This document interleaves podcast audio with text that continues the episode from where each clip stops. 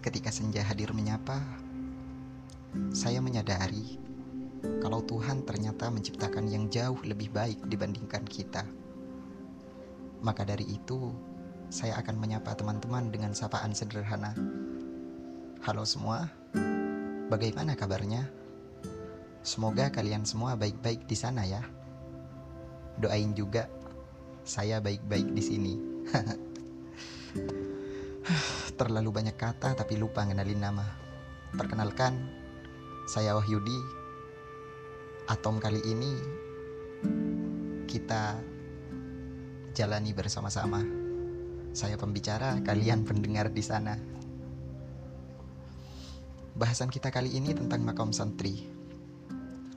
Coba, berapa banyak sih dari mereka yang tak pernah puas menginginkan banyak tips kehidupan, percintaan, gaya hidup, dan bahkan karir? Berapa banyak pula orang-orang yang mempermasalahkan dirinya santri, atau bahkan hanya sekedar lulusan sekolah-sekolah swasta. Pernah suatu hari ketidaksengajaan membuat saya bertemu dengan kiai.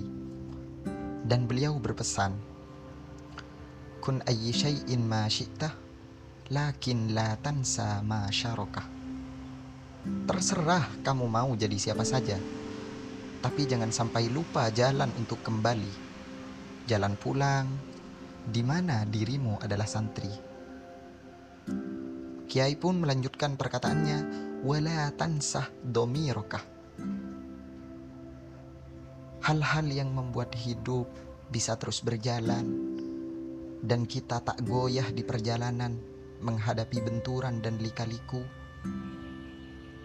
Itu semua adalah backingan keimanan yang perlu kita pegang dalam hidup tak banyak pisau analisa yang bisa memahami kita, karena kita yang menentukan ke arah mana langkah kaki ini berhenti.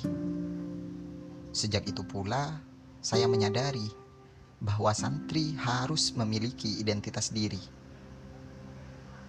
Bahwa santri tak perlu menjadi kiai, dan bahwa santri cukup tahu cara untuk kembali. Semua hal itu berkenaan dengan makom santri yang di mana meskipun kita memiliki backing agama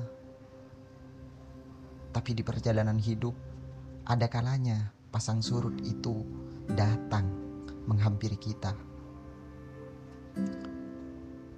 kita ingin jadi sukses dan kita berproses tapi tak ayal kadangkala proses yang kita lakukan itu sewenang-wenang dan keluar dari ajaran agama.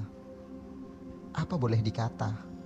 Nasi telah menjadi bubur, semua tindakan tak bisa dikembalikan. Kita hanya bisa pasrah dengan hasil yang kita lakukan. Namun kita juga tahu konsekuensi itu besar di setiap hal yang kita lakukan. Untuk sekelas santri meninggalkan sholat adalah ajaran yang tak pernah ada di dalam pesantren. Tapi hal itu tetap terjadi di luaran sana. Mungkin dari kalian pernah mengalaminya, termasuk diri saya.